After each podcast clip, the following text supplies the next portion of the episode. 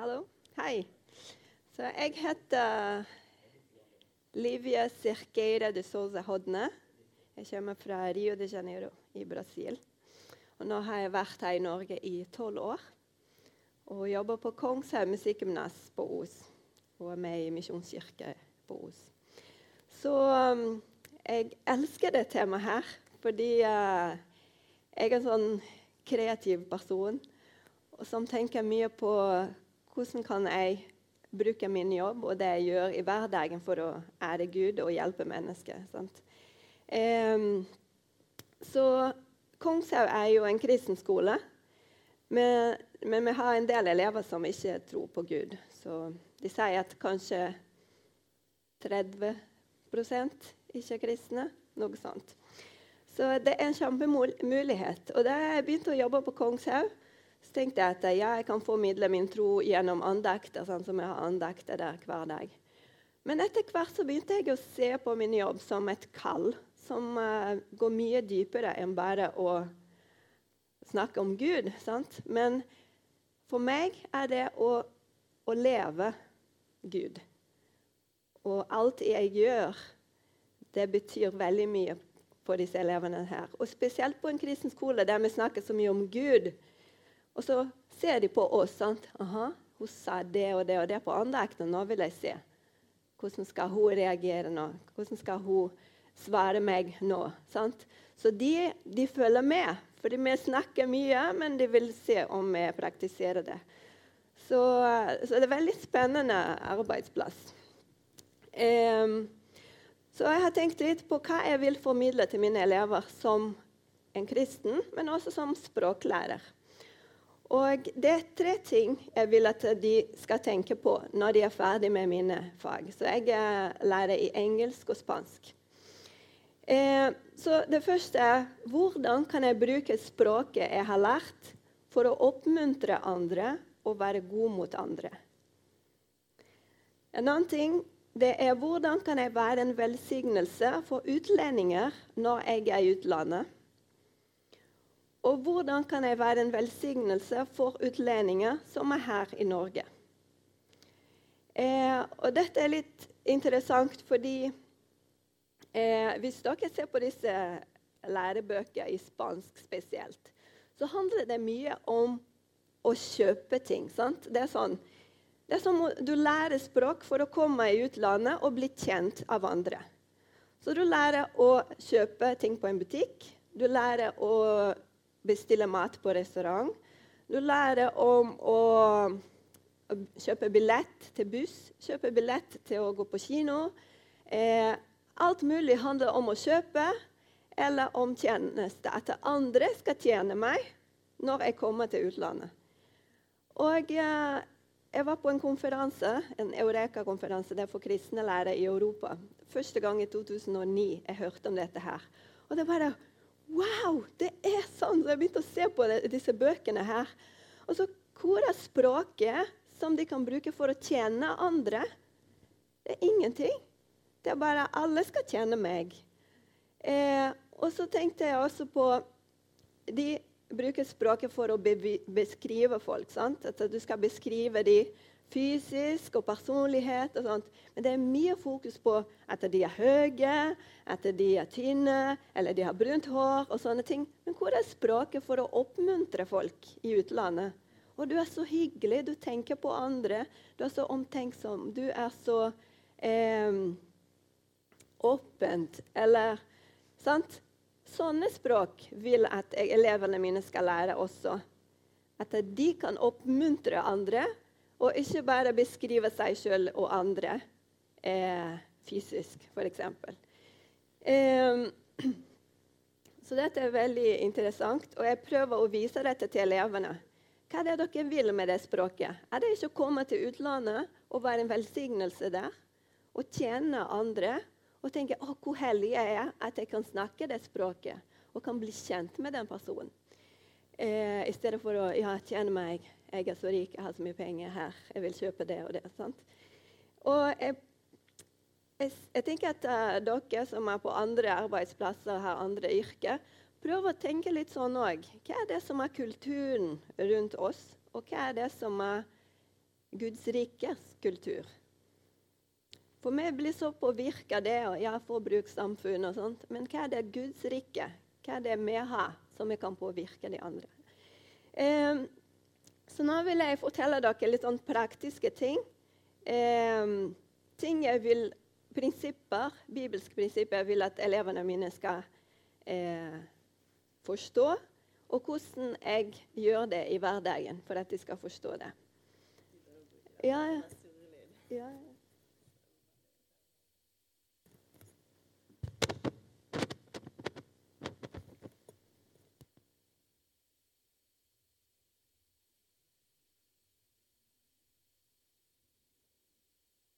Hei. Ja. OK. Så eh, jeg har fire punkter her. Nummer én så vil jeg at elevene mine skal lære å lytte til andre med oppriktig interesse. Jeg vil at de skal vise interesse for andres kultur. Være nysgjerrig for andre som Guds skapninger. Sant? Og, å ja, du er en person fra Peru. Men hvordan tenker du? Hva slags mat spiser du? Og sånn det er så spennende sant, å bli kjent med en person fra, fra andre land. At det, det, blir spennende. Og det er det som er fokus, og ikke deg selv. Så for eksempel, I mine timer så prøver jeg å invitere folk fra andre land som kommer til timer. Som jeg har hatt besøk fra USA. Jeg har en kamerat fra USA som var sånn veldig stoka. Og ja, han var kristen. Men uh, han kom, og elevene hadde skrevet noen spørsmål, ting de hadde lyst til å vite om han. Og så kom han og hadde en god samtale med, med dem, og de spurte han om alt mulig, og han var veldig åpen. Og sånn. Eh, og så etter den timen så kom de til meg. 'Dette var beste time i hele året.' Så tenkte jeg takk for det.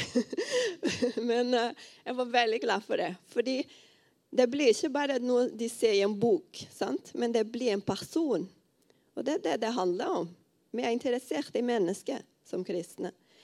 Og jeg har også eh, min sjef i Brasil. Jeg jobber som engelsklærer i Brasil òg, og min sjef var, var, fra England. Så i fjor så hadde vi en Skype-samtale i min time, i engelsktime. Så de hadde skrevet noen spørsmål, og så snakker de live på Skype med henne. Og det var så gøy. Og de tenkte oi. Og så ville de vite hvordan jeg var, fordi hun var min lærer også. Så sånn, 'Hvordan var livet som elev?' Og jeg bare 'Det er ikke poenget med dette.' Men det var veldig kjekt, og de var veldig positive til det. Fordi det var en person. Sant? De ville vite hvordan er det å være en briter som bor i Brasil, og kulturforskjell og alt mulig.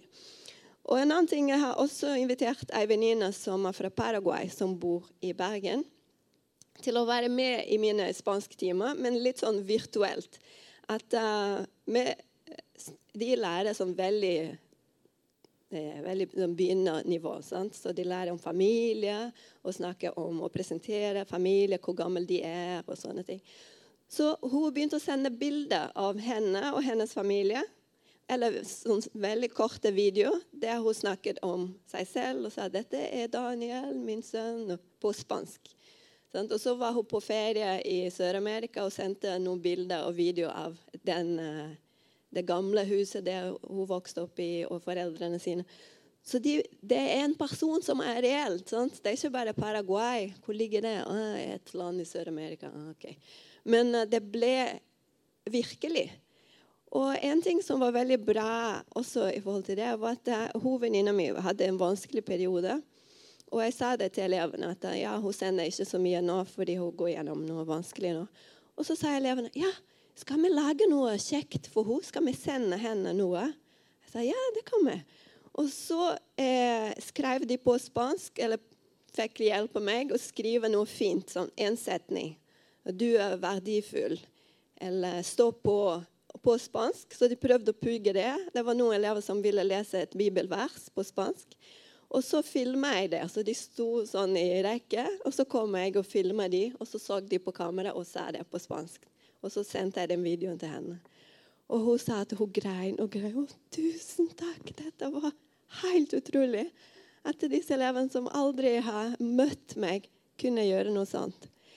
Så, så det jeg ville formidle til dem, det er at det er mennesker her i Norge òg som kommer fra disse landene Og så Du lærer om de her i spansktimer, så går du ut i gata, og så vil du ikke si hei til dem engang.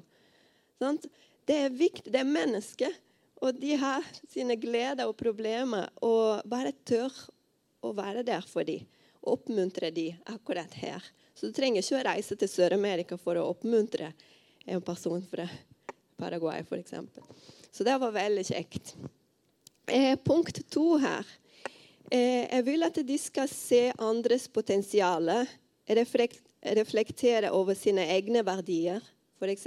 å snakke litt om tilgivelse.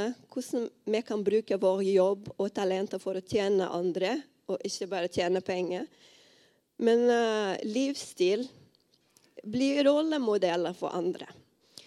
Så f.eks ting vi gjør i undervisning. Jeg har et opplegg der eh, vi snakker om tenåringer som gjør en forskjell i verden. Så jeg har funnet noen tenåringer fra 15 til 19 år som har gjort noe kjempebra. Som har hjulpet barn som eh, De sender sånne skoleting, bøker og skrivesaker til barnet i Afrika. Det er noe som har funnet på eh, en internettside eller Jeg husker ikke akkurat hva det var. Men det er sånn, de gjør en forskjell. De bruker det de kan, og gjør en forskjell nå, når de er bare 16 år. Så de blir kjempeinspirert. Og så til slutt i, i den der så har jeg en, eh, litt tid til at de kan snakke i gruppa og tenke OK, hva slags prosjekt vi kunne gjøre.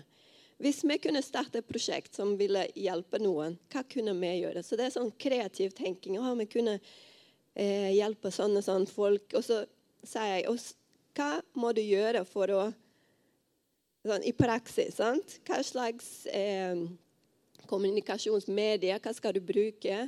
Hva er de stegene du må ta for å komme der? Praktiske ting. Og så de skriver, Det var mange spennende prosjekter de kom på.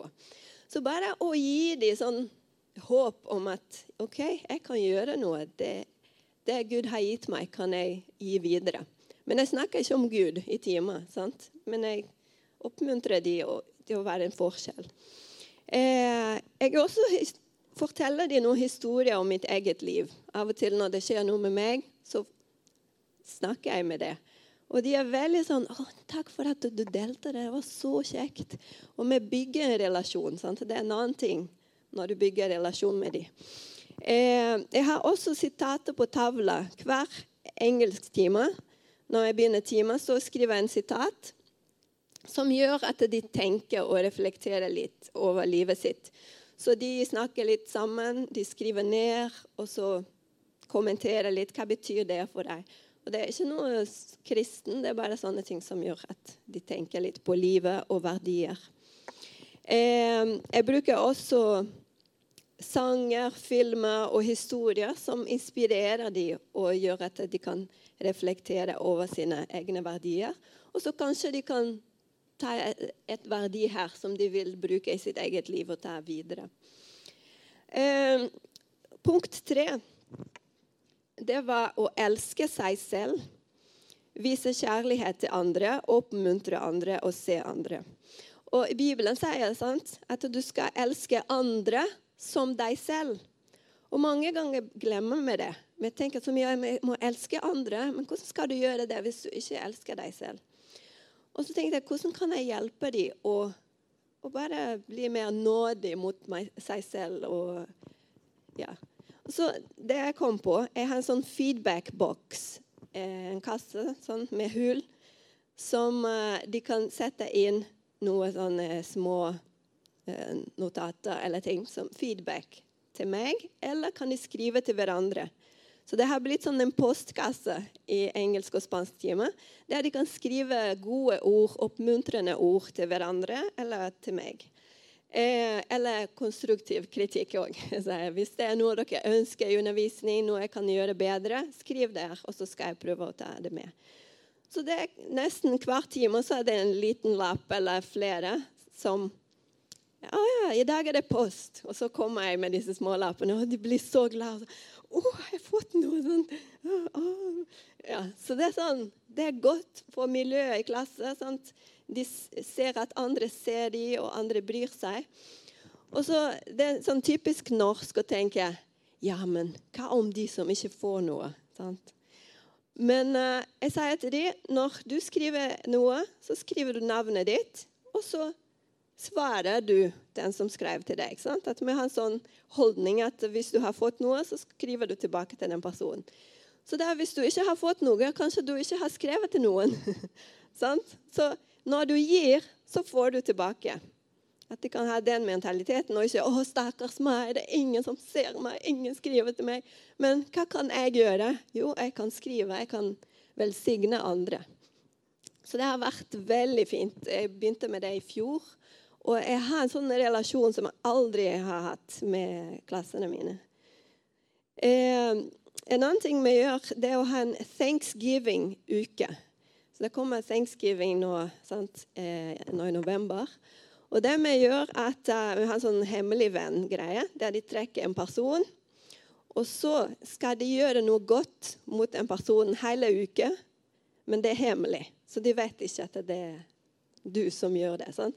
Så de kommer med sånne gode ord og skriver fine ting til en person, og så legger det på speilet på, på rommet, for det er internatskole. Sant? Noen ganger kommer de og rydder hele rommet til den personen. Og så kommer de og wow, alt er ryddet. du vet ikke hvem det var. Eh, eller de kjøper en liten sjokolade, eller tar kjøkkentjeneste for de, og sånne ting. Og de elsker det. I fjor så sa de kan vi gjøre det igjen? Kan vi gjøre det til jul? De tenkte det var så fantastisk å kunne tjene andre på den måten. Og til jul så har vi også Hemmelig venn, men der skriver de kort på engelsk eller på spansk. Og så når de skal avsløre hvem det var, så har vi en sånn ring der de sier noen gode ord om den personen, og de andre må gjette hvem det er. De kan også lese det kortet de har skrevet, hvis de vil. Og så får de det kortet. Så de elsker det òg. Kan vi gjøre det uten at det er jul? så alle disse tingene som gjør at de ser hverandre, og at de får sånne gode ord som bekrefter at 'jeg er verdifull', sånn, 'jeg er elsket'. Eh, jeg skriver også bursdagskort til alle elevene mine.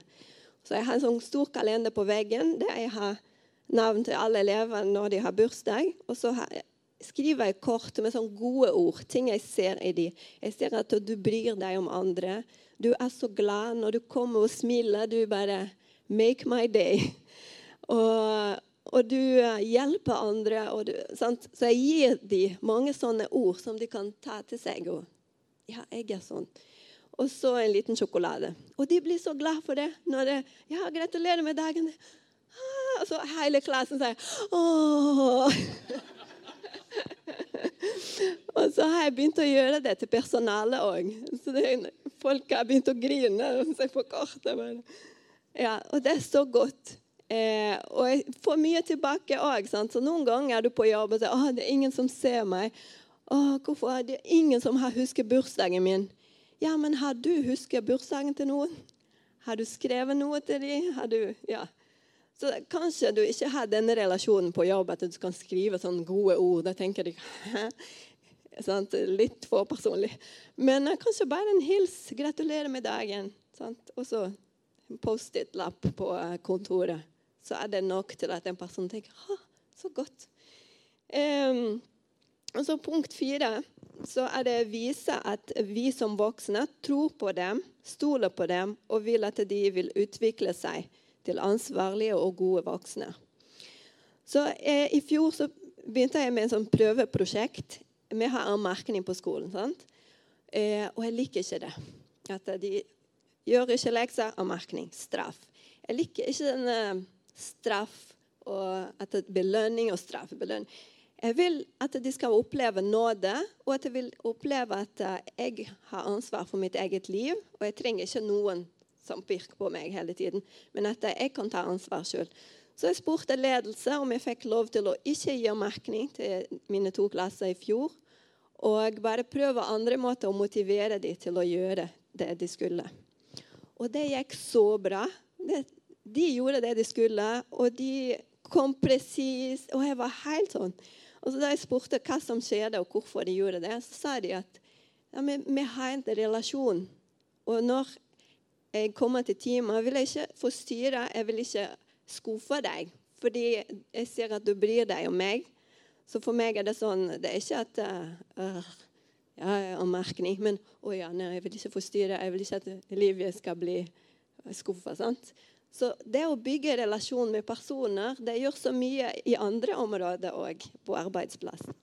Eh, og Det gjorde at det gikk så bra i fjor at i år gikk hele skolen med på å prøve dette her. På 120 elever. Eh, eh, det gikk veldig bra med andre og tredje klasse. De, de imponerte oss. Men første klasse gikk ikke så bra. De tenkte at de har ikke noe å sammenligne med. Sant? De vet ikke hvordan det er å få anmerkning, og hvor kjipt det er. Og så plutselig er det fritt. Yeah, trenger ikke å komme presis. Så dessverre gikk det ikke så bra.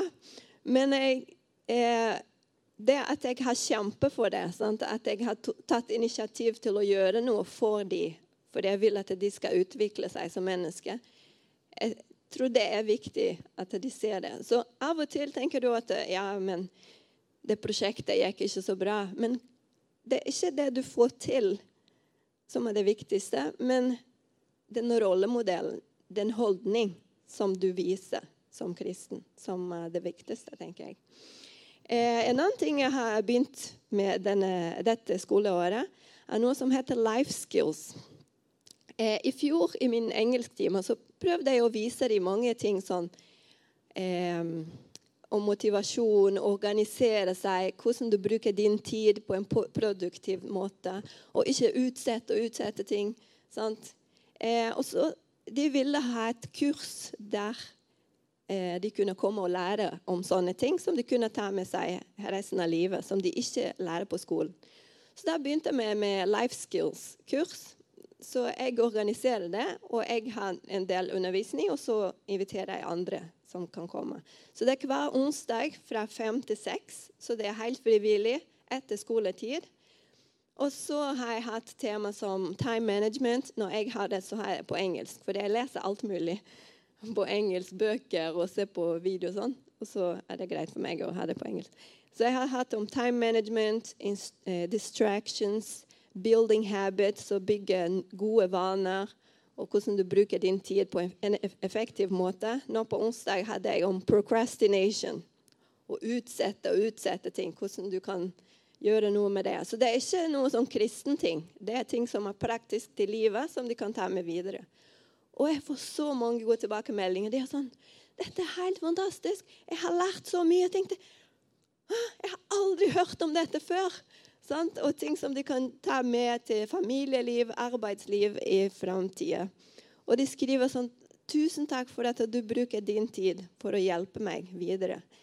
Eh, og Ja, jeg har to minutter. Eh, en, annen, en siste ting jeg ville si, er at uh, også når jeg leser en bok Jeg liker veldig godt å lese. Og når jeg leser en bok som jeg tenker oi, dette var veldig bra, så prøver jeg å ta det med på arbeidsplassen mitt. Sant? Så jeg leste en bok som heter 'Mindset'. Og den er wow. sånn, wow. Alle lærerne burde, burde lese dette her. Og så tenkte jeg hvordan kan jeg formidle dette her på en praktisk måte som de kan ta med seg. Og så I boka så snakker de om å gi folk beskrivende tilbakemeldinger.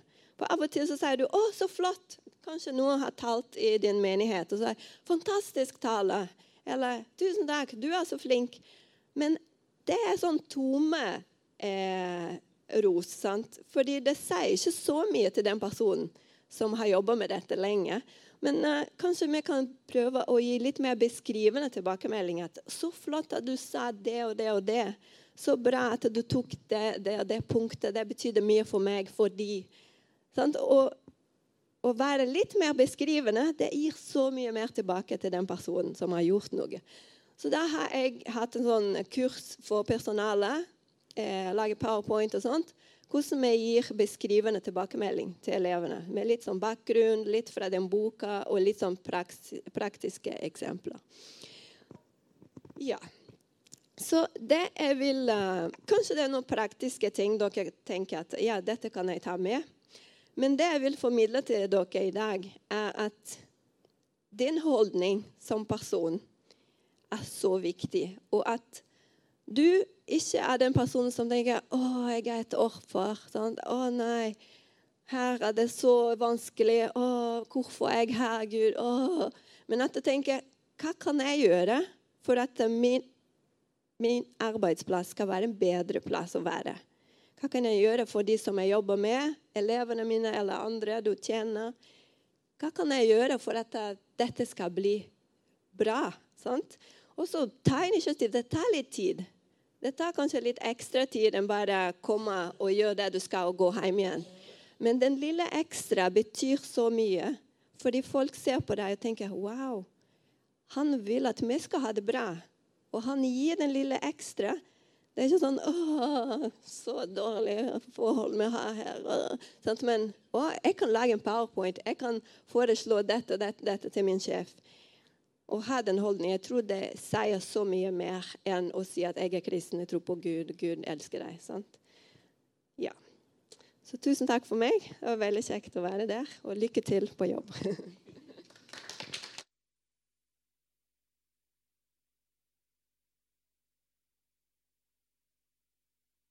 Det var veldig veldig fint uh, å høre. Uh, og den boken som heter 'Mindset', det var du som tipset meg på den. Den har jeg også lest. Så den kan vi anbefale. Det er en, det er en spennende bok å lese som kan skape forandring. Uh, så 'Mindset' Den er bare på engelsk, sant? men ikke på norsk. veldig, veldig fint. Jeg håper vi fikk mange gode ideer sant, til hvordan vi kan operere på vår arbeidsplass gjennom det Livia delte. Og noe av det som er veldig spennende synes jeg, med Livia, med deg, det er jo at du, at du bruker den kreativiteten din og skaper nye ting. Og det at du, Jeg husker da du begynte på dette med ikke gi anmerkning og straff og sånn. Hvordan du fikk, først fikk tillatelse selv til å prøve det ut. Og veldig spennende å høre at nå har du fått med hele skolen på det. Sant? Så det, eh, det, det, var, det var fint.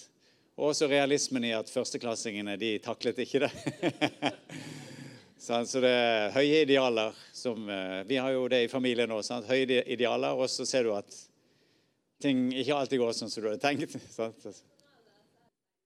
Ja, veldig bra. Så det beveger seg. Det beveger seg, Og du beveger de. Så det er veldig fint. Nå skal vi ha en eh, halvtimes pause fra fram til halv ett eh, med lunsj. Og da er det suppe. Det er thaisuppe som er glutenfri. Så er det noe brød til godt brød til, og så er det frukt etterpå. Så vann og kaffe er tilgjengelig. Så nå kan vi virkelig kose oss sammen sant? og ha et godt fellesskap. Skal vi også be Skal vi ta Er det, er det organisert?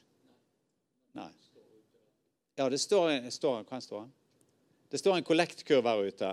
Sant? Det eh, seminaret er gratis, men eh, lunsjen og sånn, det vet alle at det koster litt med mat. Sånn, så Legg gjerne noe i den kollektkurven uh, der, så uh, deler vi på kostnadene. Ja. Det er også bankterminalen.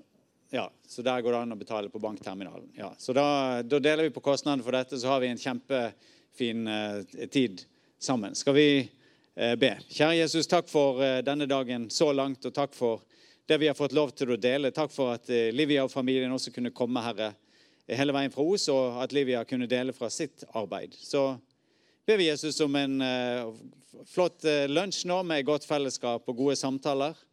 Uh, og en god tid, undervisningstid også etter lunsj, Herre. At vi skal få jobbe videre med disse viktige temaene. Må du velsigne fellesskapet og velsigne maten for oss i Jesu navn. Amen. Flott.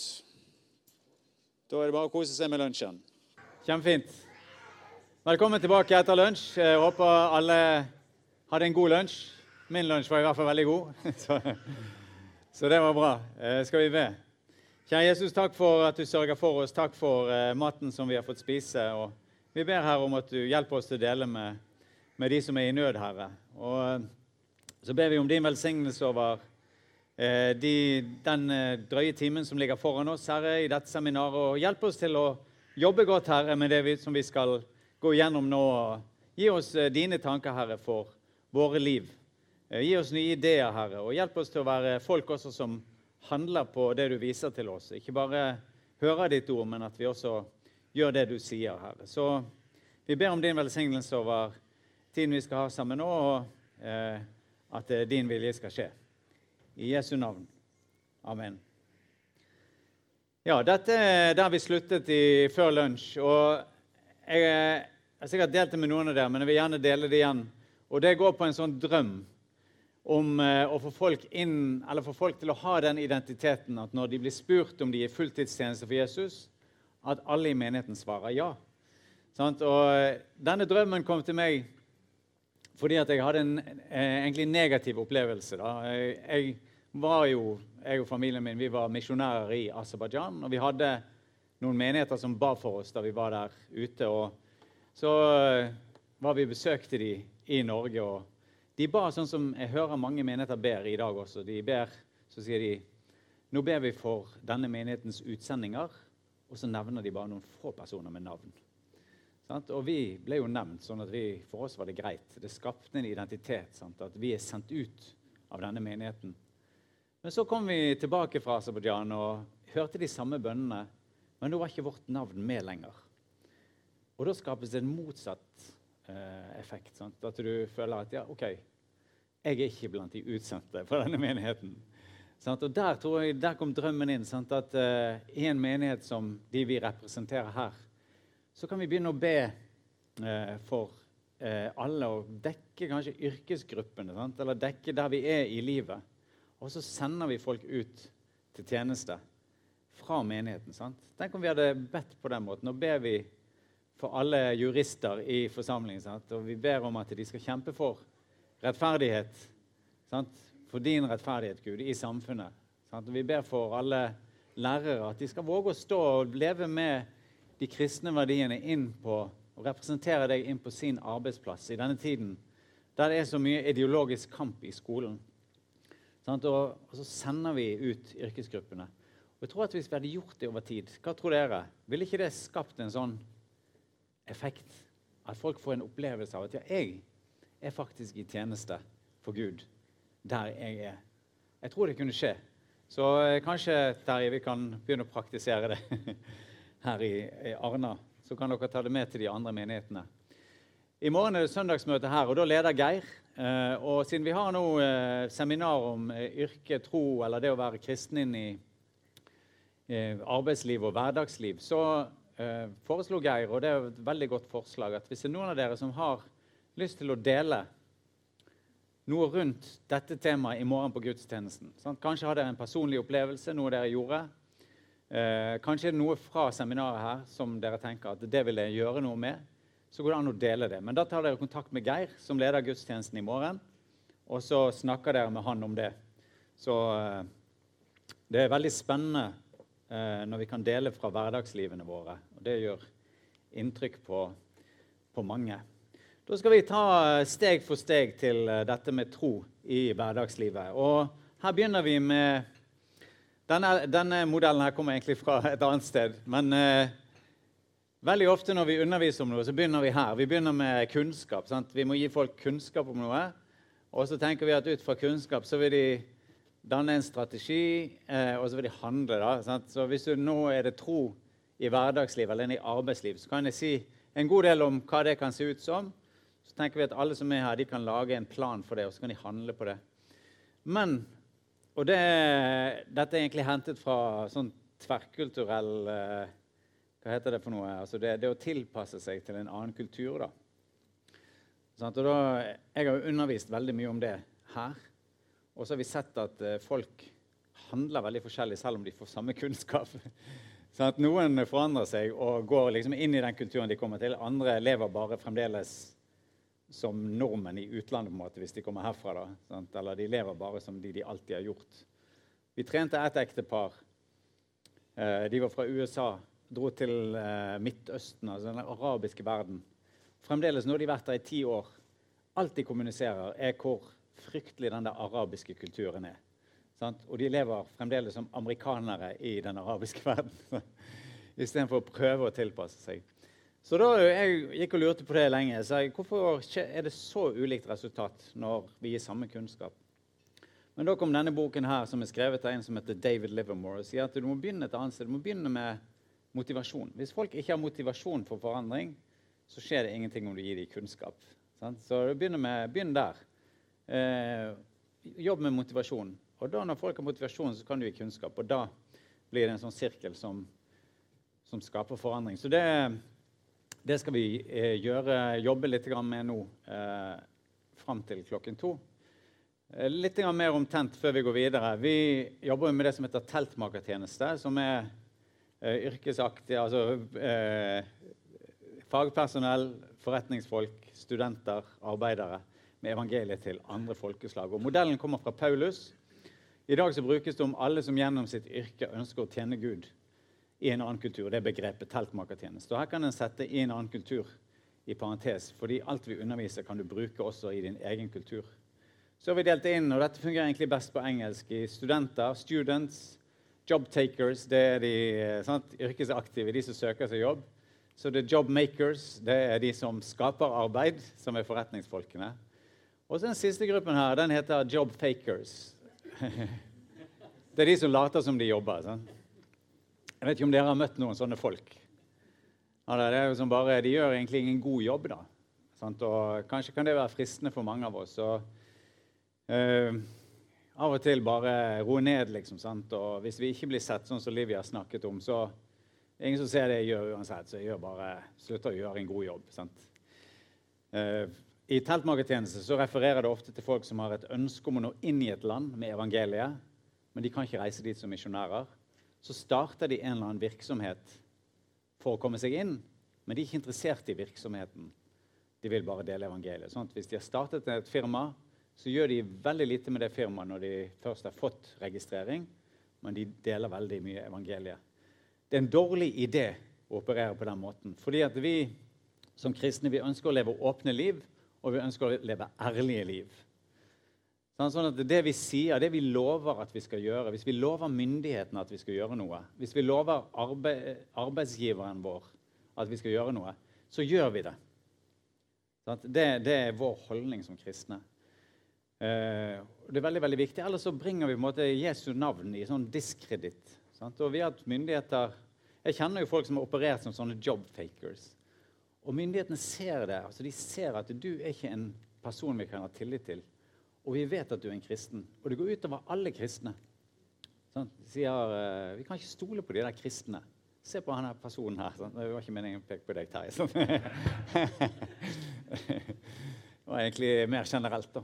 Så derfor uh, veldig dramatisk. Nå gjør jeg dette om til en lighter, sant? og så bare tenner vi på det fordi vi vil ha det vekk. og så har vi en, egentlig en sånn kristen yrkesetikk som vi finner i Kolossene 323. Jeg skal gjøre det stort her. Sånn dette er utrolig spennende hvis vi kan ta det med oss inn i arbeidslivet vårt. Kolossene 3.23.: Alt arbeid skal dere gjøre helhjertet, for det er Herren og ikke mennesker dere tjener. Du kan ta med vers 24 òg hvis du vil. Men eh, eh, det beskriver det samme. Alt arbeid skal dere gjøre helhjertet, for det er Herren og ikke mennesker dere tjener. Er det noe som beskriver ditt arbeid? der du er i dag. Hvis ikke kan det hende det er noe som må forandres. Dette bibelverset var i utgangspunktet skrevet til slaver. Paulus skriver til slaver som er tvunget til å arbeide. Sånn de har ikke frihet engang. Så sier han alt arbeid skal dere gjøre helhjertet, for det er Herren og ikke mennesker dere tjener. Fascinerende, er det ikke det? Og Hvis du jobber på den måten, vi sier at da jobber du med en høyere hensikt. Sant? Du har et høyere perspektiv på det du gjør. Vi har en vi følger opp i Kina. Da. Hun jobber på universitet der. og hun, eh, har, hun, er ikke en sånn person som Hun smiler ikke så veldig mye. da. Ikke, du ser ikke utenpå henne at hun er glad. Hun eh, forteller aldri vitser. Det er, aldri sånn, det er ingen folk som ler rundt henne. da. Men hun jobber ut fra dette her. altså Alt arbeidet gjør hun helhjertet som for Herren. Og hun vet at det er Herren hun tjener. Og hun sier at det gir henne veldig stor glede. Så altså, selv om hun ikke smiler, så ser folk den gleden. Så sier at veldig, veldig ofte så kommer det kollegaer bort til henne så spør de, spør de hvordan finner du sånn glede i arbeidet. Sånn, dette er i Kina.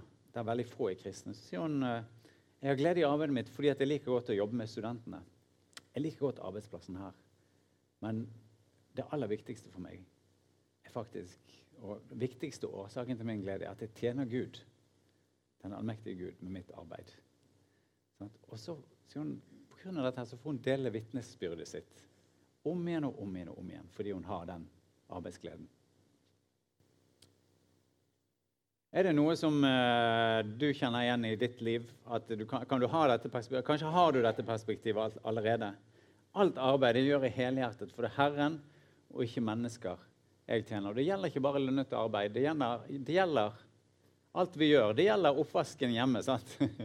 Prøver å lære barna mine dette perspektivet. sant? Nå skal dere til oppvasken, og det skal dere gjøre sånn for Herren. Sånn. Nei da. Eh, men eh, det gjelder alle de småoppgavene òg. Vi, vi kan si altså Når Paulus kunne skrive det til mennesker som var tvunget til å arbeide, hvor mye mer skal ikke vi da kunne ha det perspektivet? Vi som har frihet. altså Vi har valgt ofte den arbeidsplassen som vi har. Sant? Og vi har frihet til å si opp, og vi har frihet til å søke annet arbeid. Så Hvis vi tar med oss dette bibelske perspektivet over arbeid, så, så gir det et godt vitnesbyrd der vi er Sånn folk kan se gleden. Vi arbeider med en høyere hensikt, og det blir et godt vitnesbyrd. Vi kaller teltmakertjeneste vi kaller for De åpne døres tjeneste fordi at eh, eh kristne fag, kristen fagpersonell, kristne forretningsfolk, de kan reise til alle land. Jeg snakker aldri imot tradisjonell misjon, men her er det en ideolog da, som kommer til et muslimsk land, og så sier han jeg ønsker at alle i dette landet skal få bli kjent med min tro. Kan jeg få lov til å komme inn? Og så sier eh, grensevakten nei, beklager. Vi har allerede en sterk tro i dette landet. Eh, faktisk en tro som er mer avansert enn den du har. Sant? Så du får ikke lov å komme. Så kommer denne andre personen som sier jeg har noen verktøy som dere trenger i landet. Kan jeg få lov til å komme? Og da sier de ja, vi trenger verktøyene. Du kan komme. Og her sier vi til den personen med verktøykassen før du reiser inn i det landet, gi myndighetene, gi arbeidsgiveren informasjon om at du er en kristen. Sånn at du reiser inn gjennom hoveddøren, selv om du søker jobb i Saudi-Arabia eller Turkmenistan eller Nord-Korea. Gi arbeidsgiveren, gi myndighetene informasjon om at du er en kristen. Eh, et eller annet sted i den søknaden. Og her er de gode nyhetene. Hvis du gir sånn informasjon, så du, har du større sjanse for å få jobben enn hvis du utelater informasjon om din kristne tro. Er ikke det et under? Ja, dette er et under. sant? Men det er realiteten i dag. Hvorfor er det sånn? Veldig mange grunner til det. Men jeg kan si det at er det noe en muslimsk arbeidsgiver virkelig frykter når det kommer arbeidere fra Europa, så er det at han skulle komme i skade for å ansette en ateist. Det ville vært helt fryktelig. Altså, de, de der folkene som ikke tror at det fins noen gud, de kan vi i hvert fall ikke ha i firmaet vårt. Da vet vi ikke hva vi får. Er det en kristen? Mye bedre. Og det er kristne som har gått foran oss her og gjort en god jobb. Arbeidet med en høyere hensikt. Og nå åpner det dørene for oss som kommer etterpå. Så dette er et under. Og jeg kan si eh, med hånden på hjertet det vanskeligste i mitt arbeid når jeg rekrutterer folk til tjeneste i utlandet, absolutt det aller vanskeligste for meg er at det er mange ledige jobber, men få som er villige til å reise. Til betalte jobber, ofte godt betalte jobber i utlandet. Vi klarer ikke å finne de folkene som er villige til å reise. Og det er trist, for eh, her er det jo et arbeidsmarked, og disse jobbene forsvinner fort. Da vi hadde, skulle bli spurt om å rekruttere tre kvinnelige lærere til en kvinneskole, sant? altså en skole for bare jenter, da, i, eh, i Sudan Kjempemulighet. sant? Fant ingen som var villig til å reise. Ingen. Og Her er det vi trenger liksom en større gruppe å rekruttere fra. De åpne døres tjeneste. Teltmakere, kristne forretningsfolk, fagpersonell, arbeidere kan reise til hele verden. Den andre årsaken til at vi kaller det De åpne døres tjeneste, er dette. Sant, som går på at på en arbeidsplass så har du relasjon til menneskene rundt deg. En arbeidsplass er et møtested mellom mennesker som kjenner Jesus, og de som ikke kjenner han. Det er en frontlinje. Sant? Det samme som du har i nabolaget ditt. Eller i sånne interessegrupper som, som du er en del av. Sant? Noen som sitter og strikker her. Linda, sant? Kanskje møter du andre som strikker. Og så har du en interessegruppe. Og da er det en gruppe der du har det kjekt, og så er det også en frontlinje for evangeliet. Der du møter mennesker som ikke kjenner Jesus. Jeg må bekjenne at jeg, eh, at jeg drev og strikket sjøl for eh, 25 år siden. Og det var den perfekte måte for en mann å komme i kontakt med andre. Jeg kan bare si, jeg satt og strikket på Bergensbanen, på toget mellom, mellom Bergen og Oslo. Hver eneste, dette her jo, høres jo sånn kjønnsdiskriminerende ut, men hver eneste kvinne som gikk forbi meg, stoppet opp og snakket med meg. da. Absolutt alle. 'Å, du sitter og strikker, ja. Men kan jeg få se på mønsteret?' Ja. Kjempeutgangspunkt for samtale. Sant? De åpne dørens tjeneste. Fordi vi har en relasjon eller vi har en felles interesse, så er døren der. Vi, vi relaterer til hverandre. Og det er eh, mange, mange, av oss har prøvd sånn eh, dør-til-dør-evangelisering. Du banker på dørene, og så åpner de opp. Sant? Johans vitner er jo eksperter på det der. Sant? Og på mange måter, altså Folk blir frelst på den måten, men på mange måter kan du kalle det eh, de lukkede dørers tjeneste. Sant? De aller aller fleste, inkludert meg sjøl, Jehovas vitner kommer. Å, Jehovas vitner, ja, OK, nei takk, jeg er ikke interessert. Sant? Gå opp til naboen. Nei da, jeg sier ikke det. Det er ingen her på Åsheim sant, der vi bor, som er interessert i dette. Du kan bare reise hjem igjen. Men eh, men Av og til inviterer vi dem inn, da. men da er det jo ikke for at vi skal høre på dem, men det er for at vi ønsker å overbevise dem om at de tar feil. Eh, men når du har en relasjon, så blir det en annen historie. Da har folk kanskje sett hvordan du jobber over tid. De har sett hva troen betyr i ditt dagligliv. Sant? Gjør det noen forandring der? De vet at du er en kristen, selv om du ikke har sagt det. Gjør det noen forandring av troen der? Så Basert på det de ser i deg, så evaluerer du evaluerer de det kongedømmet som du representerer. Er det godt eller ikke godt? De ser hvordan du snakker, hvordan du handler, hvordan du arbeider. Hvordan du behandler andre. Er det et godt kongedømme, eller er det ikke det? Og så blir vi alle sånne fulltidsambassadører for Guds rike inn i dette. Der alt vi sier og alt vi gjør, eh, spiller inn på hvordan folk evaluerer eh, Guds rike. Hva er hovedgrunnen for at folk tar imot Jesus som voksne i vår tid? Noen av dere har sett dette før, men eh, det er vennskap mellom kristne og de som kjenner Jesus, og de som ikke kjenner ham. Spørsmålet inn i ditt liv nå er hvor har du disse vennskapene? Hvor er det du har naturlige relasjoner til mennesker som ikke kjenner Jesus? Nettopp der er din eh, frontlinje. Sant? Nettopp der møter Guds rike de som står utenfor Guds rike. Veldig ofte så oppfører vi kristne sånn som dette. Vi relaterer bare til hverandre. Og de kristne her i de røde prikkene nede i hjørnet. Og så har vi liten innflytelse i samfunnet, og vi når veldig, veldig få. Se hva som skjer. Dette, kan, dette kunne vært et bilde av søndag formiddag. Da, da er vi i kirken. Sant? Se hva som skjer når vi beveger oss ut i samfunnet. Ser dere hvor mange kontaktpunkter vi har, og hvor langt vi faktisk kan nå. Sitter vi i kroken, så når vi ikke veldig langt. Men når vi beveger oss ut, så eh, kan vi nå veldig mange. Så her kan vi tenke altså, ut fra interesser. og sånt, altså, det, det, går ikke på at vi alltid liksom, skal være på hugget der og så lede folk inn i Guds rike, men vi kan tenke og bygge vennskap. I morgen spiller Brann mot Rosenborg. Er det noen som er interessert i den kampen? Kan vi se den sammen med noe? Kan vi bygge de der relasjonene? sant? Istedenfor bare å invitere folk fra menigheten så inviterer vi noen andre. Sant? Og så har vi en flott kveld sammen. I hvert fall hvis Brann vinner, så blir det en kjempekveld. Ellers må vi trøste hverandre etterpå. så, men da, da, bygges de der relasjonene. Strikkeklubben, sant, Linda? Der, hvem inviterer du inn der? Er det bare de du kan be med etterpå, eller er det andre? Og her kan vi bygge relasjoner, og så kan vi be Gud om å bruke dem. Verdens største unådde folkeslag slutter på Gaene og Goene. Alltid vanskelige navn, men det er ikke så vanskelig her. Det er kollega Ene. Sant? Kollega Ene og kollegaene, sier vi ofte, og naboene. Eller naboene. De største unådde folkeslagene. Og så var det en irsk evangelist som sa, for man levde for en del år siden, som sa det er fem evangelier. Mange av oss vi har bare hørt om de fire. sant? Hva er de fire?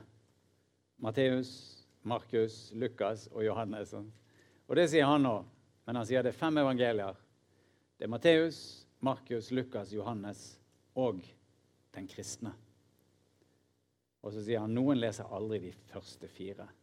Og vi kunne kanskje si og de fleste menneskene vi har rundt oss, de fleste menneskene jeg har rundt meg, de leser aldri de første fire. De har bare ett evangelium igjen, og det er ditt og mitt liv. Sant? Og det er ut fra det evangeliet de vurderer om de skal følge Jesus eller ikke. Det er et stort ansvar, men det er viktig å ta på seg den rollen, sant? å være bevisst den rollen som ambassadør for Guds rike. Eh, og eh, som det femte evangelium. Femte evangelium. Det er meg. Det Høres farlig ut. Men sånn fungerer det faktisk i praksis. Ok, Nå skal vi dele litt her. Eh, årsak til manglende motivasjon. Sant? Vi snakket om motivasjon, kunnskap, strategi og handling. Hva er årsaken til at vi mangler motivasjon for å leve som kristne eller dele evangeliet på arbeidsplassen? Det var mange årsaker til det. Sant? Og mange, mange, her i gruppen har erfaring, de har prøvd. Sant? Og en ting kan være, må gjerne komme forslag her, en ting kan være kultur på arbeidsplassen. Sant? At det er vanskelig å snakke om tro der. Er det noen av dere som er på en arbeidsplass der det er vanskelig å snakke om tro? Eller er det lett for alle? Ja? ja. Flere som er der. Det, det er vanskelig å snakke om tro. Det kan være flere årsaker til det. Det ene kan være at det er ingen tradisjon for å snakke om tro. Andre kan være at en skiller veldig mellom det sekulære og det åndelige. Eller vi har dette i Norge. Veldig dette her, eh, Du skal være bare profesjonell på jobb, sant? og så tro er definert som noe privat. Og det er noe som vi holder utenfor det der eh, yrkesgreiene. Da, så da, da, tar vi det vekk derfra. Så kultur, Har du en kultur for å snakke om tro på arbeidsplassen, så blir det mye enklere. Sant? Da kan vi dele alt. Her, her er det, nå er vi i lunsjen. Og eh, jeg var på seminar i helgen i menigheten. sånn Når jeg forteller om min helg, så tar jeg med også informasjon om det. Sant? Noen må kutte ut og minne folk på at de har vært i kirken i helgen. Sant? Hva gjorde du i helgen? Nei, Jeg gikk på tur på Ann Nippa, og så så jeg Brann slå Rosenborg. Men de var faktisk også i kirken. Sant? Men det, det falt ut. Motløshet. Er det noen som kjenner på det? Motløshet. Jeg har mistet motivasjonen, for det er motløshet. Det virker som alle eh, som ikke er kristne, de forblir ikke-kristne. Og de som er kristne, de forblir kristne. Det er umulig å flytte noen fra den ene gruppen til den andre. Jeg har aldri sett sant? Nå har jeg prøvd å dele evangeliet i ti år på min arbeidsplass. Jeg har ikke sett en eneste person eh, komme til tro på Jesus. Jeg gir opp. Sant? Jeg orker ikke mer. Negative opplevelser. Noen som har hatt det? Sant? du får det bare rett tilbake. Du prøver, og så kommer motspørsmålene eller de veldig veldig negative kommentarene. Du blir liksom bare plassert i en bås. Så er jo tendensen til det i dag i samfunnsdebatten også, at hvis du kan stemple som en sånn konservativ kristen da kan du komme, det, da er liksom OK, nei, du er en konservativ kristen. Du trenger ikke høre på dine argumenter. på en måte. At, og kanskje blir det sånn på en arbeidsplass også. Frykt noen som har kjent på det? Hva skjer hvis jeg begynner å snakke om min tro? Hva skjer da? Så er en redd. Um, kan si dere at Den aller, aller vanligste følelsen som folk får når de får en mulighet til å snakke om tro eller om Jesus med andre, den vanligste følelsen er frykt. Frykt. Du kjenner med en gang nå kommer frykten. Og det er noe vi må vinne over for at vi skal snakke om tro. Frykt. Mangel på undervisning, undervisning, oppfølging, kanskje mangel på gode eksempler. Og det siste punktet her er likegyldighet. Jeg bryr meg egentlig ikke om om folk kommer til å tro på Jesus eller ikke. Jeg vet ikke om noen av dere har kjent på det. Jeg har kjent på det. Det, betyr faktisk ikke så mye for meg, da. Og da har en liksom ikke denne styrken til å, å nå igjennom. Er det andre ting vi skulle nevnt her, som dere kommer på? Ingen andre kristne der du jobber her, så du har ingen å støtte deg på. på en måte. Ingen å be sammen med. Mm. Andre ting?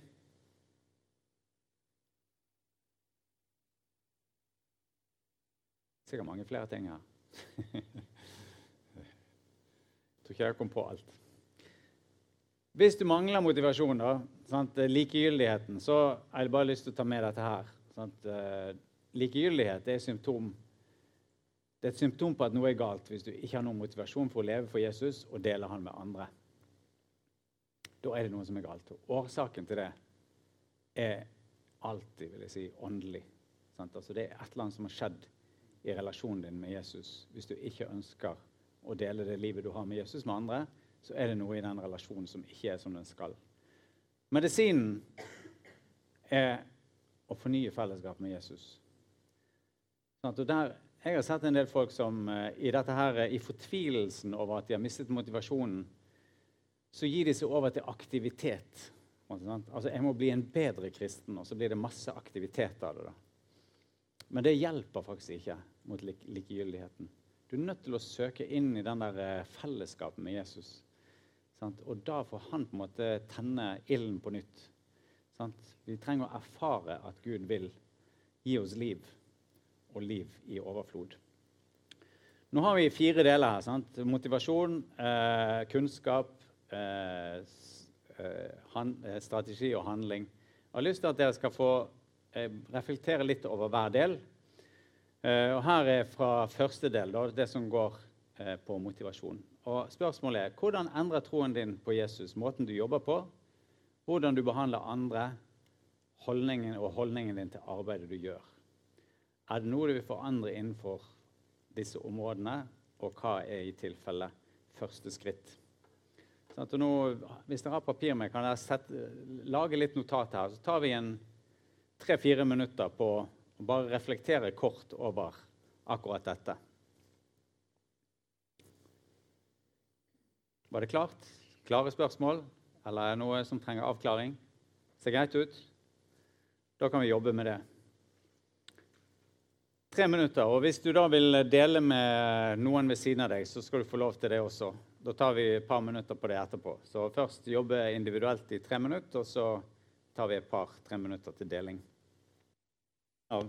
Og så eh, ta bare Snakk med dem litt om de punktene som du er komfortabel med å dele der. tar vi en tre minutter på det også. Bare deler du med, med folk rundt deg. Alltid trist å avbryte gode samtaler, men eh, sånn blir det. Tids, en eh, tidsorientert kultur. Vi auksjonerer vekk noen nøkler her. så eh, veldig bra. Da er det, Når vi har den motivasjonen på plass, altså dette relasjonen, sant? relasjonen til Jesus skaper motivasjon. Eh, og så er det en del sånne hindringer vi må, eh, må, må klare å takle sant, eh, på arbeidsplassene våre. Og vi må overvinne den frykten. Men når vi har dette på plass, så kan vi gå til den kunnskapsbiten. Altså hva trenger vi av kunnskap? Og her er det mange typer kunnskap som det er vel verdt å ha. En er kunnskap om vår identitet. Sant? Identitet. Hvem er du? Hvem er, hvem er du inn på din arbeidsplass? Fordi at identitet former ofte handling. Og En viktig identitet som Bibelen gir oss, det er at vi er Guds barn. Guds barn.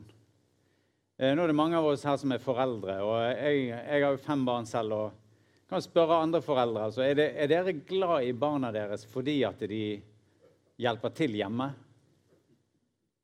Eller sånn som vi hadde Livia her med små barn. Sant? Er, er, er Livia og Arnstein er de glad i de barna fordi at de potensielt kan hjelpe til å gjøre noe i familien seinere. Er, er, det på det planet vi opererer her, med at det er liksom sånn belønning? Kjærligheten vår er en belønning for handling?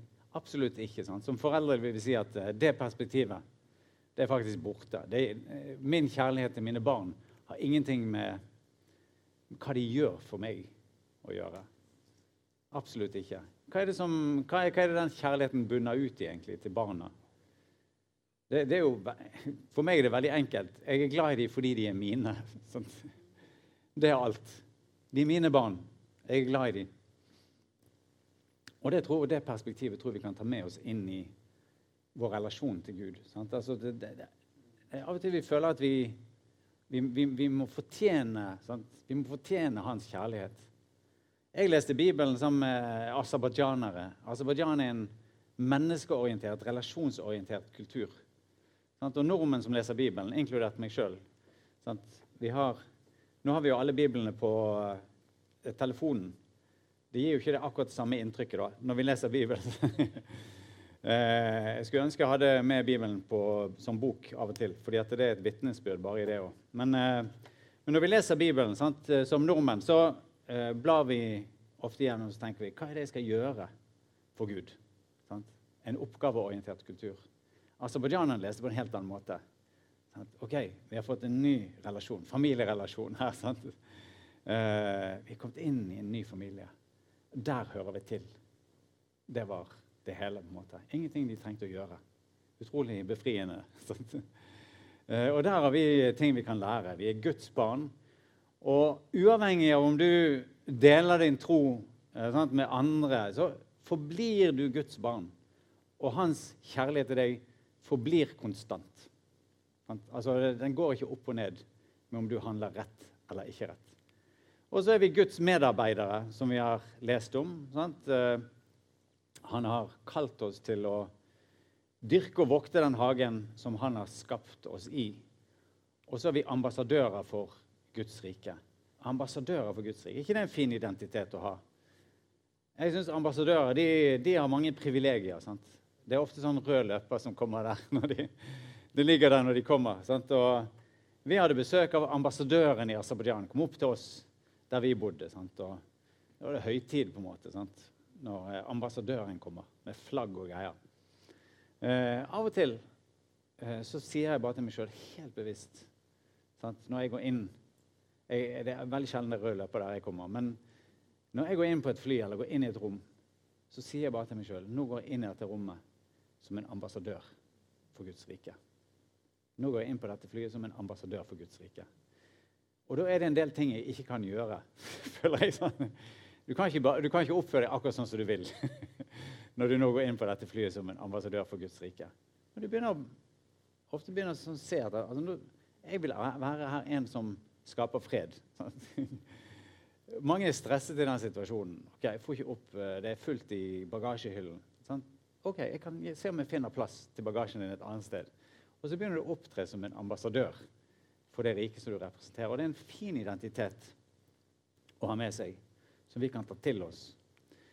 Så trenger vi kunnskap om de vi har rundt oss, deres kultur, sant? verdensbilde, verdier og handlinger. Og her er vi Når vi reiser til eh, misjon i et annet land, så studerer vi alltid kultur. Og så prøver vi å finne sånne eh, punkter der vi kan knytte evangeliet inn på den kulturen. Sant? Hva er det som gjør evangeliet relevant for denne kulturen? Ofte så dropper vi det punktet der når vi skal kommunisere med vårt eget samfunn. Men det å kommunisere utenfor de kristne eh, sirkler det er veldig ofte en sånn eh, øvelse i tverrkulturell kommunikasjon. Så fordi at de har et annet verdensbilde. De tror ikke at Gud eksisterer. Det gir også andre verdier. Eller de tror eller de vet ikke om Gud eksisterer. Det gir andre verdier, og det gir andre, andre handlinger. Og Her må vi komme inn og bli som en del av den gruppen som vi ønsker å nå. Det kan være at du har et kall til Hva vet jeg? Hvilken gruppe kunne han ha kalt til å nå her i Arna? da? Hva er det folk gjør? Du har jo, vi har jo eh, Arna-Bjørnar er jo en stor aktør her. Men hvilke andre sånne her, eh, subkulturer er det vi har i Arna? Kanskje er det, er det noen her på Arna-Tveit? Er det noen klubber her? Speider? Ja.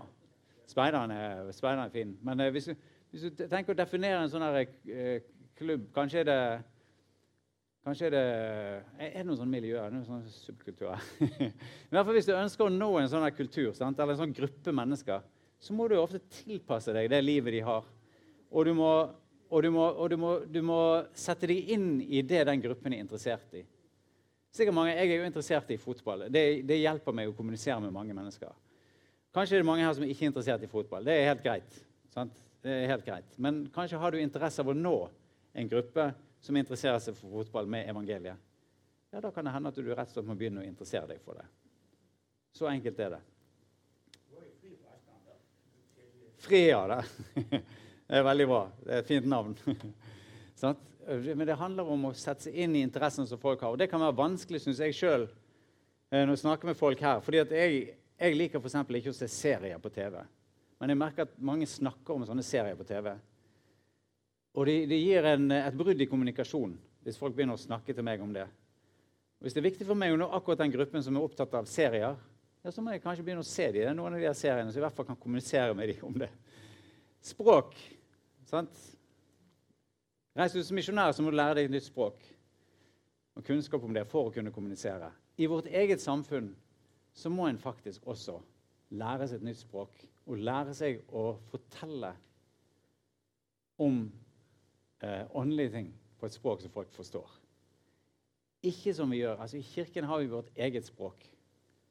Du merker det veldig godt hvis folk, eller folk merker det godt hvis de kommer inn her. Det er mange ord som er vanskelig å forstå. Jeg har en eh, svoger som er han er mer sånn bekjennende ateist. Sant? Og så skrev jeg til han at jeg skulle på sånn husgruppemøte. Sånn.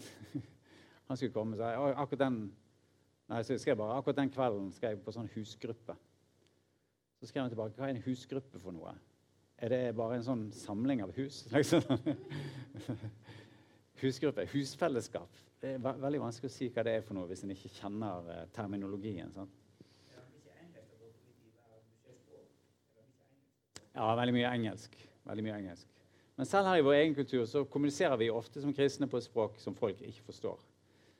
Uh, og når vi presenterer evangeliet, så blir det vanskelig. da. Sant? Jesus døde for mine synder. Okay? Hva betyr det egentlig for en nordmann i dag, hvis du sier det eh, vitnesbyrdet der? Altså? Betyr det noe i det hele tatt? Veldig, veldig vanskelig å si. Og der er det vi må lære oss språk. altså Formidle evangeliet med et språk som folk kan forstå. Vitnesbyrdet ditt sant? for ikke-kirkefolk er viktig å lære seg. Vi lærte før vi reiste til Aserbajdsjan du må ha tre versjoner av vitnesbyrdet ditt. En på ett minutt, en på fem minutter hvis du har litt mer tid, en på 45 minutter hvis du har veldig god tid. Og I muslimske kulturer så sitter du ofte ned rundt Eh, det er mye fellesskap. sånn Du sitter ned rundt et langt måltid hele kvelden. Og Hvis noen da spør deg hvorfor du er kristen, så tar du den 45 minutters versjonen. Eh, har du mindre tid, så tar du de kortere versjonene. Og Vi fikk dele de lange versjonene. Hvis du skal formidle tro til nordmenn, så trenger ikke du 45 minutters versjon. Det er aldri noen som kommer til å høre på den. Sånn de blir utålmodige etter 15 minutter. Men kanskje 15 minutter kan du formidle noe. Og folk liker gode historier. Vi har jo opplevd ting med Gud, bl.a. historien bak, vi, bak huset vi bor i nå, som vi får dele med folk som vi ikke tror. Og den er lenger enn 15. Den er faktisk ca. en halvtime hvis vi tar korteste versjon. og der har vi fått se folk sitte liksom sånn, De er ikke kristne, men sitter likevel og måper. Er dette mulig? kan dette faktisk skje? Og Huset vårt ligger jo sånn til at mange spør hvordan fikk dere tak i dette huset. Og da spør vi alltid vil dere høre hele historien. Sant? Og da sier de ja, ja, ja. de aner ikke hva som kommer, men da har de gitt uh, tillatelse. Så det er veldig bra. Mm. Uh, kjenn omgivelsene du jobber i. Sant? Nå har vi lært oss uh, kultur, interesser, språk. Så må vi kjenne omgivelsene. Og her er fra Religion på arbeidsplassen fra Likestillings- og diskrimineringsombudet i 2009. Sånn, hør hva Likestillings- og diskrimineringsombudet skriver om tro på jobb. Dette kan vi bruke i dag. Og fortelle åpent at man tilhører en bestemt religion eller et bestemt livssyn, bør ligge innenfor hva som er rimelig og tillatt. Kanskje til og med ønskelig. Samtidig er det viktig på en arbeidsplass at alle respekterer hverandres religion eller livssyn. At man ber i arbeidstiden, gitt at det er lagt til rette for det, bør ikke oppfattes som misjonerende. ikke det er fantastisk? At du har eh, en åpning her fra regjeringshold myndighetshold som sier at uh, dette må vi legge til rette for. Sant? At folk kan leve med sin tro på arbeidsplassen. Så kommer de med en advarsel like etterpå eh, som sier hvis man til stadighet og utenfor sammenhenger hvor det er naturlig, forsøker å påvirke kollegaene til å omvende seg til en bestemt religion eller et livssyn, så kan det virke negativt på arbeidsmiljøet. Dette vil kunne anses som saklig grunn for arbeidsgiver til å gripe inn med irettesettelse. Er ikke dette helt greit? Jeg, jeg, jeg, kan skrive under på det. det sånn er det. Sant? Vi må ikke gå utover. Skal, arbeidsplassen skal ikke bli et sånn evangeliseringssted der det er det eneste som betyr noe. Sant? At du får dele tro. Du må gjøre jobben din. men du skal også kunne snakke om tro med de andre så langt som de slipper deg til. ikke det greit å ha et sånt hefte i bakgrunnen? Det ligger der faktisk som en byggestein i norsk arbeidsliv, dette her. Så det kan vi, det kan vi ta med oss. Være forsiktig sant? i sånne, selvfølgelig sånne roller der vi har makt eller har en sånn autoritetsposisjon. Sant? Hvis du er lege eller behandler noen. Eh, fysioterapeuter de tar jo ofte i folk. Du kan få gode samtaler. Det blir litt sånn nær kontakt. Sant? Må være forsiktig i de type tilfellene der.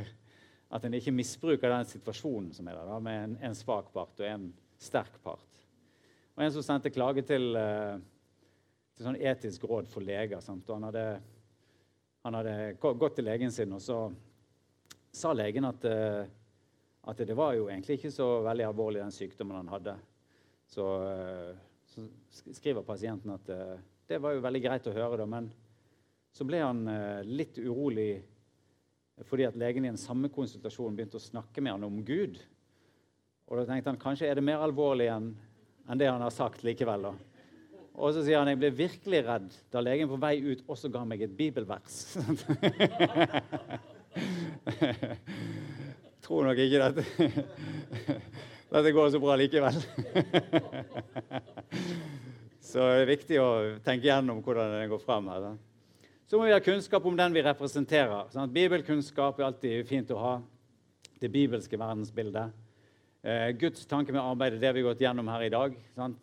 Hva som er vår rolle inn på denne arbeidsplassen. Og også hva som er våre våpen sant? i møte med andre mennesker. Og Her trenger vi kunnskap om fienden. Sant? Og Det glemmer vi ofte i en norsk eh, kontekst.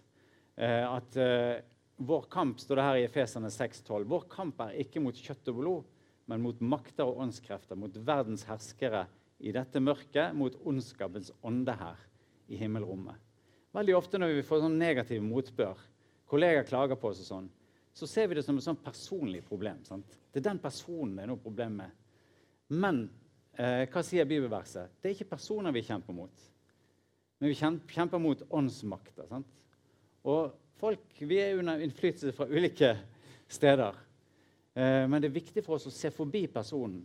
Personen vi har foran oss, er en person som Jesus har dødd for, og som Gud ønsker skal bli frelst. Men den personen blir brukt av andre åndsmakter, og det er der fienden vår ligger. da. Det er ikke Den personen er ikke vår fiende. Og det tror jeg kan være viktig å ha klart for seg. Eh, Birgit, kona mi, hun eh, jobbet for livsrett og menneskeverd. Helt tidligere. Nå heter det bare menneskeverd. Sto på stand i Oslo sier noe om hvordan folk kan snu fort. Sant? Eh, sto på stand i Oslo, og så sånn det kom tre sånne her eh, fra det miljøet eh, opp for bistand og misliker veldig sterkt sånn der eh, pro life, eh, retten til liv-markeringer. Eh, så de tok bare og rev ned hele standen. Alle tre. Sant? Skikkelig irritert. Og så bare gikk de videre. Og da kan du jo tenke at disse personene her er problemet. Men istedenfor liksom å gå til motangrep, så kan du be for dem.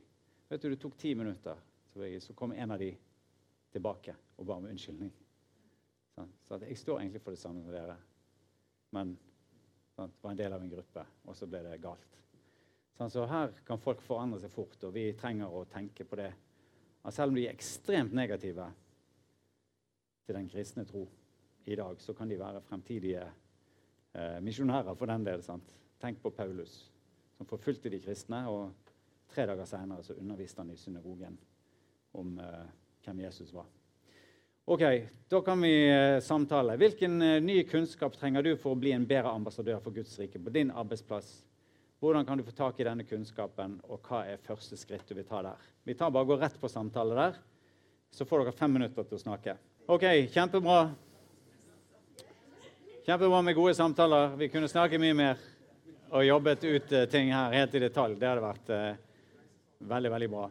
Eh, nå skal vi gå til eh, strategi, da. Sånn nå, har vi, eh, nå, har vi, tatt motivasjon og kunnskap. Strategi. Hva gjør vi med i strategifasen? Jo, eh, målet her er å planlegge hvordan du kan bringe Guds rike til din arbeidsplass. Sant? Eller inn i ditt nabolag hvis du ikke er på jobb, eller inn i de sammenhengene der du er med. Og Viktige elementer her det er for det første å praktisere Guds nærvær. tror du at Gud allerede er til stede på din arbeidsplass? Eller er han utenfor, og at du må ta han med inn? på en måte? Er det du som tar med inn, eller er han der allerede? Ja, jeg tror, ja, tror det, det, Vi tar han på en måte med inn, men samtidig er, er han der allerede. Også. Gud er i samfunnet. Sant? Gud er til stede. Sant? Han er opptatt av det som foregår der. Og det kan vi praktisere, at Gud er der. Altså selv på, uh, i sammenhenger der ledelsen er fiendtlig til de kristne, så er Gud der til stede. Og vi kan på en måte bare praktisere uh, at sånn er det. Og vi vet det. Det var uh, noen britiske misjonærer som ble kidnappet. Sant? dette er en del år siden. Men da la organisasjonen i England de la inn i treningen sin hvordan du skulle opptre hvis du ble kidnappet. Så sa de at i den situasjonen når du er kidnappet, så kan du ikke stole på noen andre enn Gud. Men, sa de, da skal du vite at du alltid likevel er på den sterkeste side. Sant? Fordi at du har Gud. Sant? Du har relasjon til Gud. Du er på den sterkeste side. Og det kan vi også tenke sant? inn på de arbeidsplassene. Praktisere at Gud er der. Og vi vet at han har all makt. Ofte ser vi det ikke. Ofte kan det være ting som er negative for oss kristne, men Gud er likevel til stede, og vi kan minne oss selv på det og praktisere det. Så er vi dette med bønn. Ber dere for eh, arbeidsstedet deres. Ber dere for ledelsen. Ber dere for kollegaene deres med navn. Er det en del av daglige, ditt daglige bønneliv? Hvis ikke, så går det an å gjøre noe med det nå. Sant? Og kanskje har du to-tre kollegaer. Det er det vi ber om. Sant? At du i hvert fall ber, be i hvert fall for to-tre kollegaer med navn. Be for dem. Hold ut i bønn for dem, og se hva som skjer over tid. Og jeg tror dere vil få se at det er overraskende store ting som skjer. Sant? Ofte må vi bare være utholdende i bønn. Moody, som vi kjenner som evangelist sant, fra USA, han hadde 100 personer som han ba for gjennom livet sitt om at de skulle komme til tro på, på Jesus. 96 av de ga livet sitt til Jesus mens Moody levde. Og historien sier at de fire siste de ga livet sitt til Jesus i begravelsen hans. Han fikk ikke oppleve det, men han hadde bedt for dem gjennom livet. Og så fikk han oppleve at 96 kom til tro. Og så fikk han kanskje se fra den andre siden at de fire siste kom i begravelsen. Overgivelse og integritet til arbeidsstedet og til oppgavene. Sant? Alt arbeidet gjør vi helhjertet, for det er Herren og ikke mennesker vi tjener. Kan vi ha det perspektivet med oss inn i vårt daglige arbeid? Hvis vi klarer å ha det, og dette er jo et bibelsk perspektiv Arbeide sånn med høyere hensikt. Sant? Jeg gjør dette ikke for å tilfredsstille mine arbeidsgivere, men for å tjene Gud. Så skjer det noe med hele holdningen til arbeidet. Hvis du driver med renhold eh, OK, jeg skal vaske dette lokalet her. Eh, så kan en jo tenke ja, det kan jeg gjøre kjapt. Men jeg, jeg, tror at hvis Jesus hadde spurt deg, hvis du hadde visst at det var han som spurte deg kan du vaske dette lokalet, så kommer jeg etterpå. sånn, så ville du sagt OK, jeg, jeg fikk oppdraget fra kongenes konge. på en måte. Jeg gjør det ikke kjapt. Sånn, Jeg gjør det til det fulle. Det er min motivasjon. Og da gjør vi det helhjertet. sant? Forbered deg på å snakke om tro og lede andre til Jesus. Er du forberedt på det? Har du vitnesbyrdet klart? på en måte? Hvis folk spør deg om din tro, hvorfor er du en kristen? Vil du kunne dele noe om det? Veldig mange i Norge opplever vi da. For vi har sendt folk ut på sånne korttidsteam. Og da må de alltid fortelle sin troshistorie først. Jeg Opplever at mange de har vært kristne hele livet, men de har Likevel, hvis de bare får et sånn enkelt spørsmål hvorfor er du egentlig en etterfølger av Jesus, så har de egentlig ikke så mye å si. Og Der må vi finne denne historien, troshistorien. Alle her i dette rommet vi har en troshistorie. Kanskje du er en som sier ja, men jeg vokste jo opp i en kristen familie. Sant? Så jeg har egentlig ikke noen sånn spennende troshistorie. Men den er der likevel. Du må bare finne den. Og Av og til så trenger vi hjelp til å finne den. Vi hadde en eh, kar som kom på kurs, eller skulle reise til Kina. da. Så, så skulle de dele troshistorien. Så sa han Jeg vokste opp i en kristen familie, og så i ungdomstiden så betydde det ikke så mye for meg. Men mens jeg studerte på universitetet, så eh, skjønte jeg plutselig at det var det som var sannheten. Og, og etter det så har jeg fulgt Jesus. Ikke om det hørtes det veldig spennende ut. ikke så veldig spennende, kanskje. Så vi spurte han, ok, så tok tak i det. Sant? Du sa universitetet, så skjønte du plutselig at det var sannheten. Hvordan skjønte du det? Så sa han nei, jeg bare skjønte det. Og så fortsatte vi å spørre. Og så til slutt, fordi han var under press, da eh, Av og til må du presse folk litt. Grann. Til slutt så sa han Jeg har aldri delt dette med noen, men eh, jeg satt faktisk på hybelen min, og plutselig så ble hele rommet fylt av en sånn hellig eh, tilstedeværelse. Jeg måtte bare gå ned på kne og gi livet mitt over til Jesus. Det var et syn av at Jesus kom fysisk på besøk til meg. så der har du vitnesbyrdet ditt. Bare fortell hvordan det der var. Det holder, det. sant? Trenger ikke komme opp med noe mer. Sånn, Av og til trenger vi hjelp akkurat til å få ut det der som ligger der. Sant? Og eh, lede andre til Jesus. Der opplever vi jo at mange, selv om vi har vært kristne hele livet, så vi, ikke, vi aner ikke. Sant? Og Der kan vi godt trene hverandre i småfellesskapene og i menigheten. Sant? Hvis noen kommer til deg og sier, sier jeg har lyst til å ta imot Jesus, hva skal jeg gjøre? Så tror jeg det mest vanlige, mest vanlige svaret i, blant norske kristne er jeg kan ta deg med til pastoren i menigheten vår. Han kan hjelpe deg. Men det er jo ikke så utrolig vanskelig å lede folk til Jesus. Gud vil bruke de bibelversene du klarer å finne i Bibelen. Du kan hjelpe. Bare les. Det var en som sa på et seminar det er jo Romane 9. det. Bare gå inn i Romane 9, så finner du svaret. Sant? Hvis du bekjenner med din munn og tror i ditt hjerte, sant? så er du frelst. Bare bekreft folk i det og be sammen med dem. Så eh, der vil Den hellige ånd kan lede oss ulike veier. Men det er egentlig noe som vi kan være, en rolle vi kan være trygge i. Så han forbereder opplæring og disippelskap. Altså at folk, når de kommer til tro, enten det er i arbeid eller i interessefellesskap, hva skjer når de tar imot? Hvor hen leder du de videre? Skal de inn i Arna misjonsmenighet? Skal det dannes en bibelstudiegruppe på arbeidsplassen? Hva er liksom tanken her? Og det kan vi planlegge eh, på forhånd. Så trenger vi noen støttefunksjoner. En er fellesskapet, eh, som vi trenger. Så trenger vi eh, fellesskap både til forberedelse, til bønn og til oppfølging. Sånn, forberedelse, bønn og oppfølging. Forberedelse at vi hjelper hverandre til å finne vitnesbyrdet. Hjelp hverandre i disse her husfellesskapene. Sånn, Husfellesskap det er at folk kommer sammen i et hus og deler. Det er ikke flere hus som står sammen, sånn som svogeren min trodde. Men da hjelp hverandre der til å dele vitnesbyrdet. For eksempel, Fortell om din tro. Da er du forberedt. Be for hverandre. Kanskje bringer du inn i ditt fellesskap at jeg har to kollegaer nå på jobben som jeg har hatt gode samtaler med. Kan dere be om at jeg får snakke om tro med dem? Og så er det oppfølging. Sant? Når du kommer tilbake igjen, da, og gruppen har bedt for deg, så kommer du og så sier de ja, hva skjedde? Liksom? Vi ba jo om at Gud skulle åpne dører, så du kunne dele om, snakke om tro med disse kollegaene dine. Hva skjedde?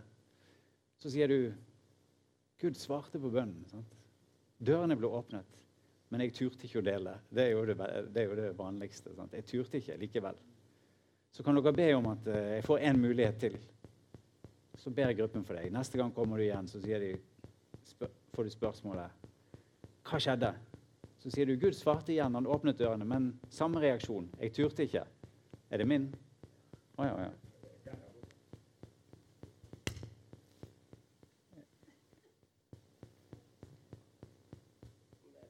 Jeg tror det er hjerteslagene mine. Jeg har litt høy puls akkurat nå. Pacemakeren løper løpsk. Batteriet som er litt lavt, og slår litt fortere. Du, du det, han blinker rødt her. Det er kanskje lite batteri? Jeg kan bare bruke en annen. Det er kort tid igjen, da. Skal bare ta en annen. Skal skru av den her.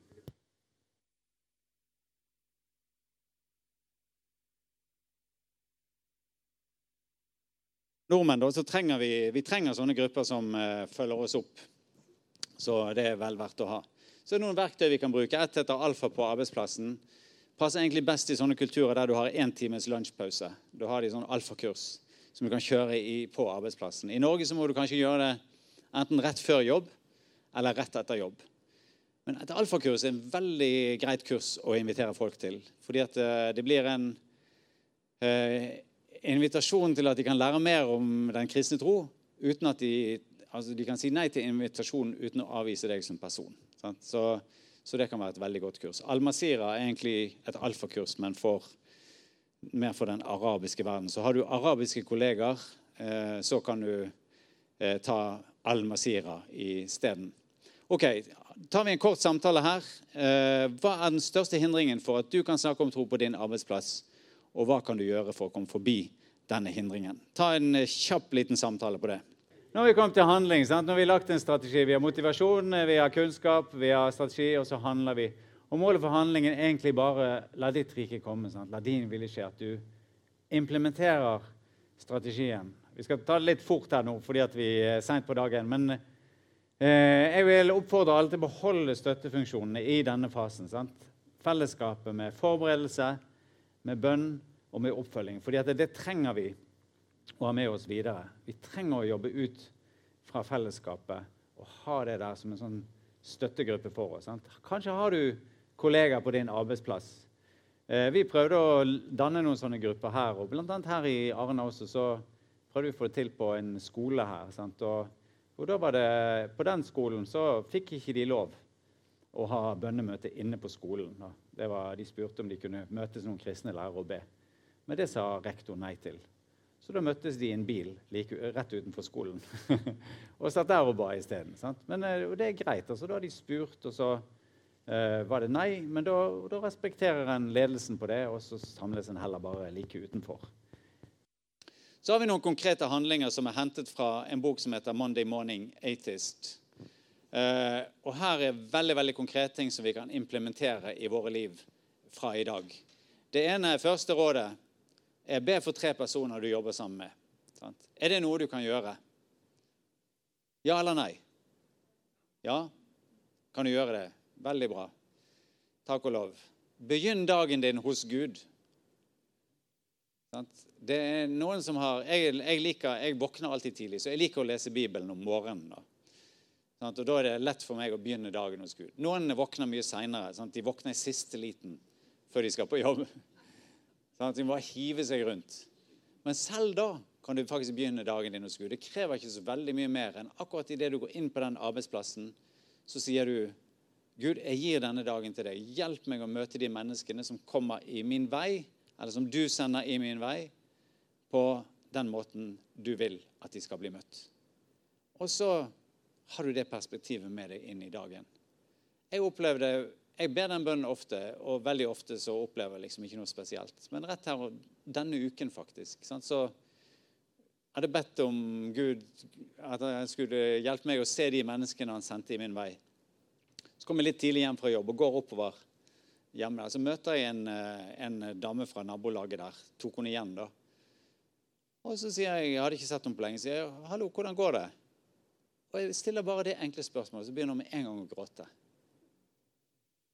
Og så får vi en fantastisk samtale. Vi sto utenfor der hun bodde i én time. En hel time. og det er jo sånn, eh, tenker Jeg hadde egentlig mange andre ting jeg skulle gjøre den dagen. Jeg skulle raskt hjem og så bare få gjort en del ting. Men når du har bedt den bønnen at Gud hjelp meg å møte de menneskene som du sender i min vei, sånn som du vil at de skal bli møtt, så kan du, du vet at du kan ikke gå. Og mens du står der, så takker du Gud, og så sier du takk for at du har skapt denne muligheten. Sant? Og nå vil jeg være her hele tiden så lenge det er behov for det. Så begynn dagen din hos Gud. Arbeid etter bibelske standarder. I en tid der samfunnet beveger seg vekk fra bibelske verdier, så sier vi at det er noen ting eh, som altså Bibelen er min autoritet. Hvis jeg blir bedt om å gjøre ting som strider mot Bibelen, så kan jeg ikke gjøre det. Da må jeg si fra. At dette kan ikke jeg være med på. Jeg har eh, en høyere autoritet. Neste punkt, kanskje vanskelig for eh, noen eh, av oss slutt å klage. Ja, slutt å klage. Eh, interessant. altså Jeg får jo reist veldig mye og var for ikke lenge siden i et land som heter Niger. Og så hadde jeg akkurat vært der og Og kanskje uken etterpå så kom det ut sånn eh, utviklingsindeksen fra FN. Så ser jeg at Norge er nummer én, eh, og Niger er aller, aller sist. Det minst utviklede landet i hele verden. Og det fikk meg til å reflektere veldig mye. Og også over dette her med altså Inn i en norsk kontekst, hvor mye klaging vi hører hele tiden. Vi, vi, klager og klager. Vi er veldig flinke til å klage. Og der tror jeg faktisk Gud kaller oss kristne til å bryte den der eh, kjeden av klaging. Alle sammen sant, så har vi ledere på jobben som er vanskelig å forholde seg til. Men det er ikke nødvendig å utdype det hele tiden hver eneste dag. For vi kan også være folk som sier ja, jeg er enig i at sjefen vår kunne gjort noe annerledes. Men skal ikke vi heller gå sammen for å gjøre han til en enda, eller hun til en enda bedre sjef? Sant? Kanskje er det ting vi kan endre på også, som gjør at hun får bruke sine egenskaper bedre. Så bryter hun plutselig den der eh, kjeden av klaging. Slutt å klage. Gå den annen mil. Sant? Hva betyr det? Hvis noen tvinger deg til å gjøre noe, så tilbyr du å gjøre ekstra. Vær takknemlig. Praktiser takknemlighet. Vis respekt og vær sein med å bli sint. Veldig konkrete råd, ikke det? Som vi kan ta til oss. Og da kan eh, det gjøre inntrykk på folk når vi lever på denne måten. Går det greit å ta fem minutter til, så vi kan akkurat reflektere over dette? Eh, og der kan eh, du sitte nå tar bare tre-fire minutter. Det går fort. Sitte, så avslutter vi med en liten video. Men jeg har lyst til at du bare skal reflektere over dette. Hva er det viktigste du tar med deg fra dagen i dag? På hvilke områder er du blitt utfordret til å handle? Hva vil du gjøre, og hva vil være det første skrittet som du vil ta i den sammenheng? Ta fire minutter på det, og så ser vi en video, og så ber vi eh, og avslutter dette seminaret.